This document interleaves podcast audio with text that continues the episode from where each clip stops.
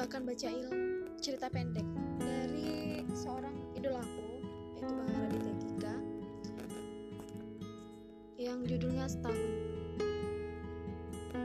mungkin bagi teman-teman yang udah nonton di YouTube ya beda banget ya sama cara bacaku aku cuma ingin membacakan sebuah cerita versi aku. Lanjut aja ya. Cerita pendek karya Raditya Dika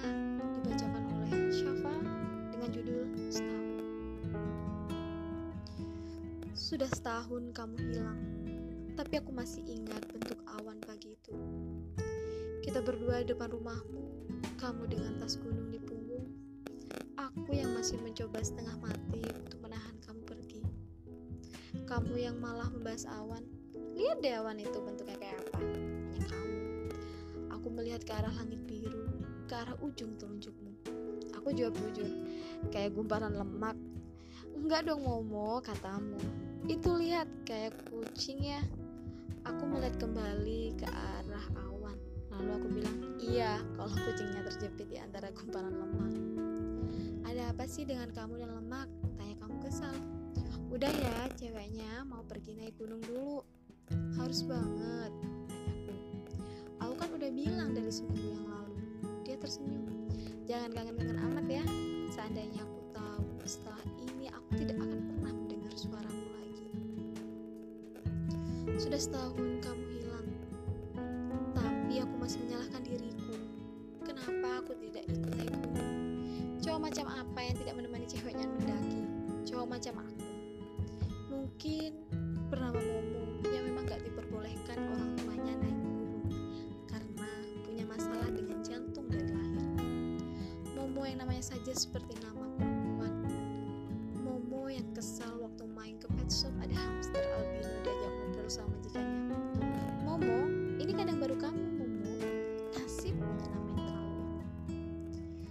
hilang tapi aku masih penasaran bagaimana kau bisa hilang.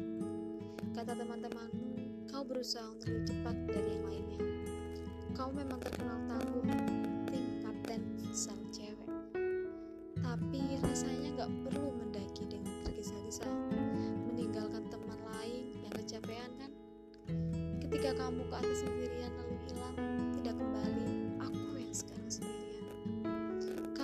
sekarang sendirian kami yang masih menunggu pulang tim pencarian tidak menemukan apa-apa. Dan setelah sekian lama mereka akhirnya berhenti.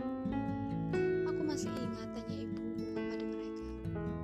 Jadi sekarang Nadia anak saya bagaimana? Tim pencarian tidak bisa menjawab. Bingung cara menyampaikan kemungkinan besar. Kamu tidak selamat. Sudah setahun kamu hilang tapi aku masih pergi ke tempat favorit kita dulu. Aku masih datang ke Bartos Cafe dekat rumahmu memesan satu es teh manis tanpa gula. Minum dari gelas langsung padahal sedotan ada di dalamnya. Itu yang kamu kesalkan biasanya bukan? Katamu dulu itu ada sedotan kok malah gitu minumnya gitu. Ya diperhatiin aja kata aku. Masih kurang tanyamu selalu kurang. kataku lalu kamu senyum merasa geli. Tapi jujur gombalanku cukup dahsyat kan? Percayalah aku punya lebih banyak lagi ketika kamu pulang nanti. Sudah setahun kamu hilang tapi aku masih mampir setiap minggu di ujung jalan rumahmu melihat awan memandangi pagar rumahmu. Berusaha berpengalengan kepada penggalan cerita kita dulu yang semakin hari terasa semakin samar hari ini di ujung jalan aku mencoba kadang seperti roti kadang seperti kapas tapi kenapa yang terlihat di kepalaku tidak pernah seperti kucing? Sebuah suara lirih memecah namunan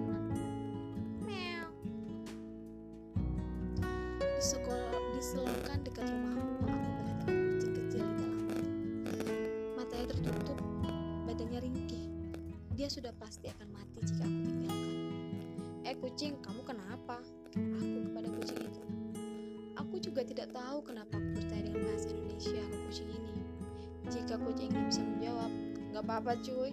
Pasti aku langsung bikin channel YouTube sendiri minta kucing ajaib ini ngevlog. Si kucing ringkih gemetaran mencoba berjalan seperti agar-agar di tengah siang hari bolong.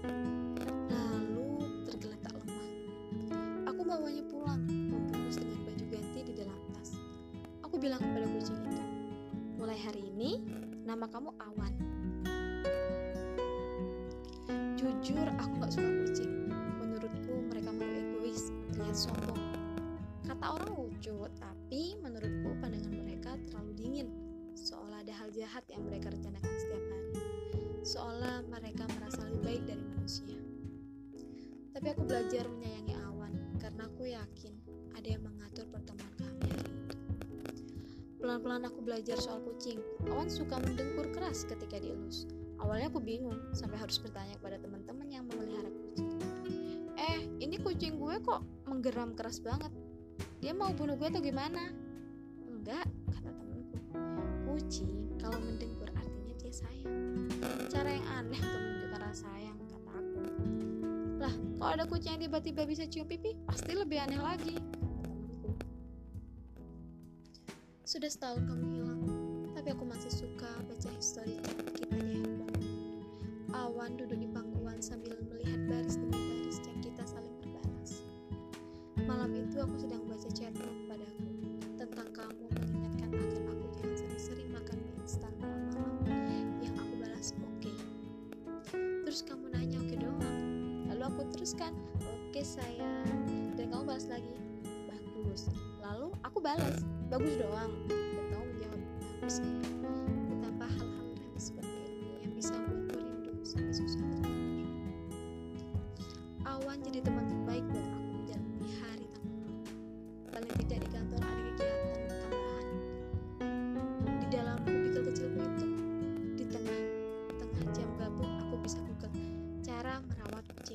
atau 10 tanda kucing mau kawin atau apakah kucing tidak menguasai dunia. Teman kantorku melihat ini dengan positif. Bagus deh lo jadi pelihara kucing katanya. Biar lo nggak galau melulu, biar lo cepet gemuk. Memang patah hati adalah niat terbaik. Tidak semua teman kantorku seperti ini. Ada juga yang seenak bilang, lo kenapa sih udah setahun masih ngarep aja? Gak mau cari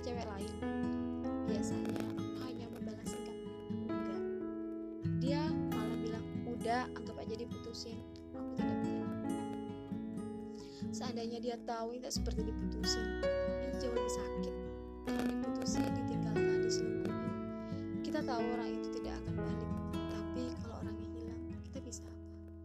Ada dilema antara menunggu atau berhenti berharap, antara maju kembali atau diam di tempat. Kadang ada sih harapan kamu tiba-tiba datang mengetuk pintu di sore dan bilang ini semua hanya prank. Keterlaluan sih kalau begitu. Prank yang sangat niat tetapi tetap keterlaluan. Ada juga saudara jauh datang ke aku dan bilang, Momo, gue tahu kok rasanya kayak gimana. Lagi-lagi aku diam. Dia tidak tahu rasanya gimana. Orang yang menunjukkan empatinya tapi tidak ada yang tahu rasanya. Aku saja masih merasa kehilangan kamu sesuatu yang asing. Suatu yang aku tidak siap untuk rasakan. Bagaimana bisa orang paham? Suatu sore awan sakit, dia terlihat lesu, lebih malas dari biasanya. Dia nggak mau main, bahkan mainan favoritnya yaitu kaos kaki bekasku yang sering dia gigit-gigit juga tidak dia gubris. Aku sempat berpikir, jangan-jangan bau kakiku yang membuat dia sakit seperti ini. Tapi sepertinya problemnya jatuh lebih parah dari itu. Aku takut awan kenapa-kenapa. Aku bawa dia ke dokter. Sampai di dokter hewan, dokter tanya, nama kucingnya siapa? Kucingnya Awan, tanya dokter hewan. Dia tersenyum. Nama suami saya Awan juga. Oh iya, nama saya Momo. Saya pasti sering juga kok jadi nama kucing. Nah, ada satu kucing bandel banget langganan di sini, namanya Momo. Kalau mau divaksin, harus dibantu semua orang di sini. Kebetulan kucingnya Taurus, jadi agak susah diatur. Emang ngaruh ya? Tanya. Dokter hewan tertawa. Ya enggak lah, masnya serius banget, Capricorn ya.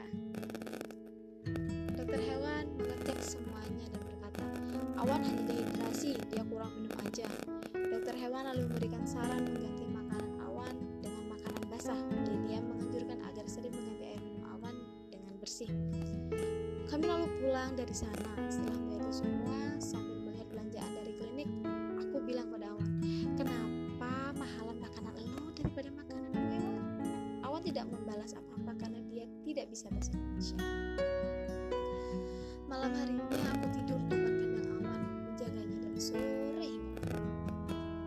di lantai membuat aku kedinginan. Ibu datang bawakan selimut, menaruhnya di atas badan. Nak, ayo tidur di kamar yuk, katanya. Aku setengah terbangun melihat ibu di depan mata. Aku berkata sambil menarik selimut. Aku mau jagain dia.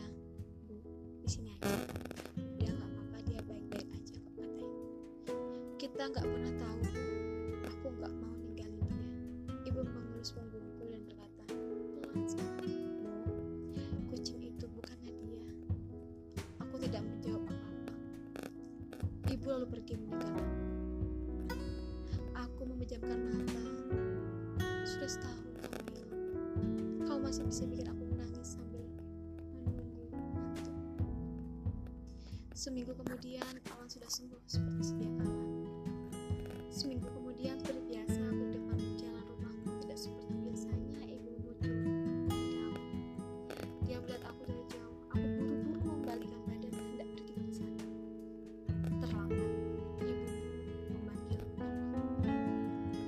Momo, katanya, jangan pergi. Aku memutar kembali badanku berjalan ke arah. Ya tante, aku sudah lama sekali tidak bicara Tante tahu kamu tiap minggu di ujung jalan. Kenapa nggak mampir aja? Enggak tante, nggak perlu mampir. Sejujurnya aku tidak berani untuk bertemu dengan ibumu lagi. Rasa bersalah Seharusnya aku, laki-laki yang nanti dititipkan untuk menjagamu, bisa menjagamu dari gunung yang seperti seorang pesulap handal, punya trik hebat menghilangkan orang yang tidak bisa dibongkar oleh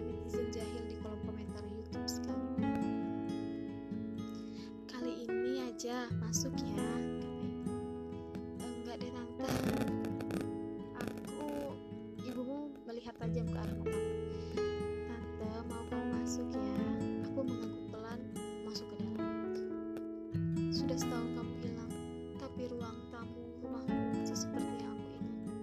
Foto keluargamu dalam figura kayu dengan wadah kopi di sudut kanan atas. Masih ada piano sumbang yang keluargamu selalu tunda untuk mendengarkan.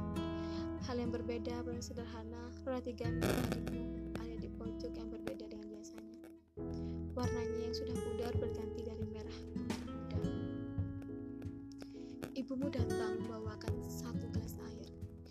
Bunyi jam mengiringi sunyi, bunyi jam mengiringi kesunyian yang kami bagi.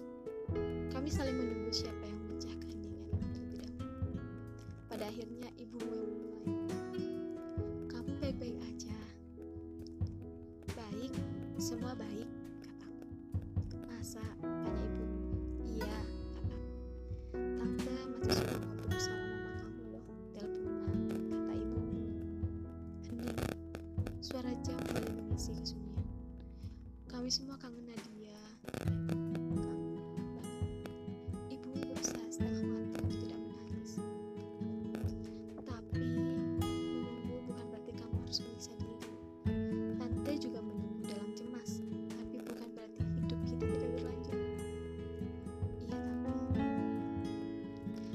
juga berharap dikemu.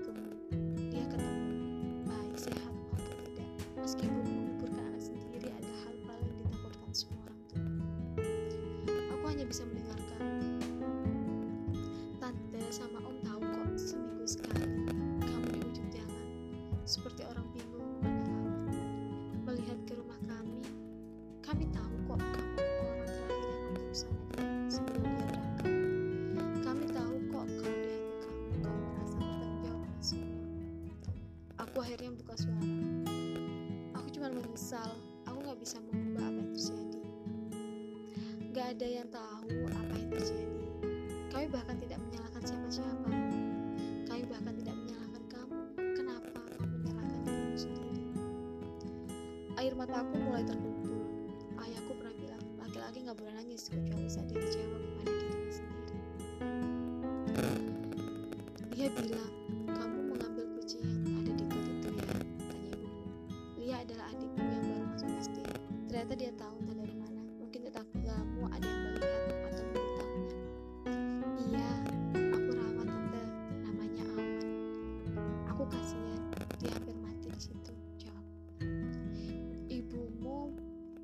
memajukan badannya ke depan, setengah tersenyum dan berkata, "Oh, kau bisa memberikan hidup yang baru untuk kucing itu.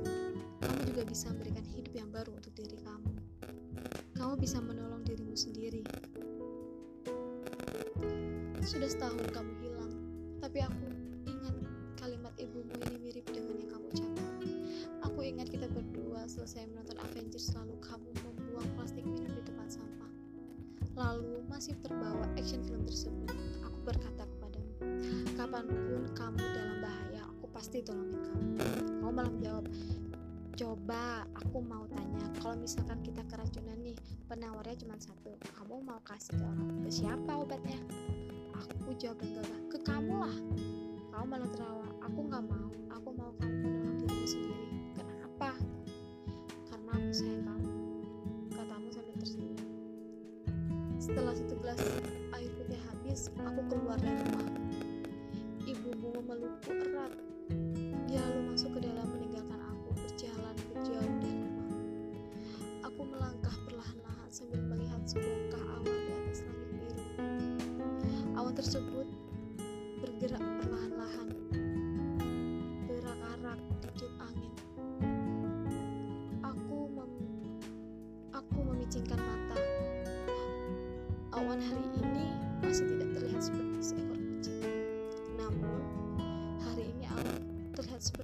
Yang pergi menjauh, meninggalkan beban yang selama ini membuatnya berhenti. Seperti seorang yang bebas kembali.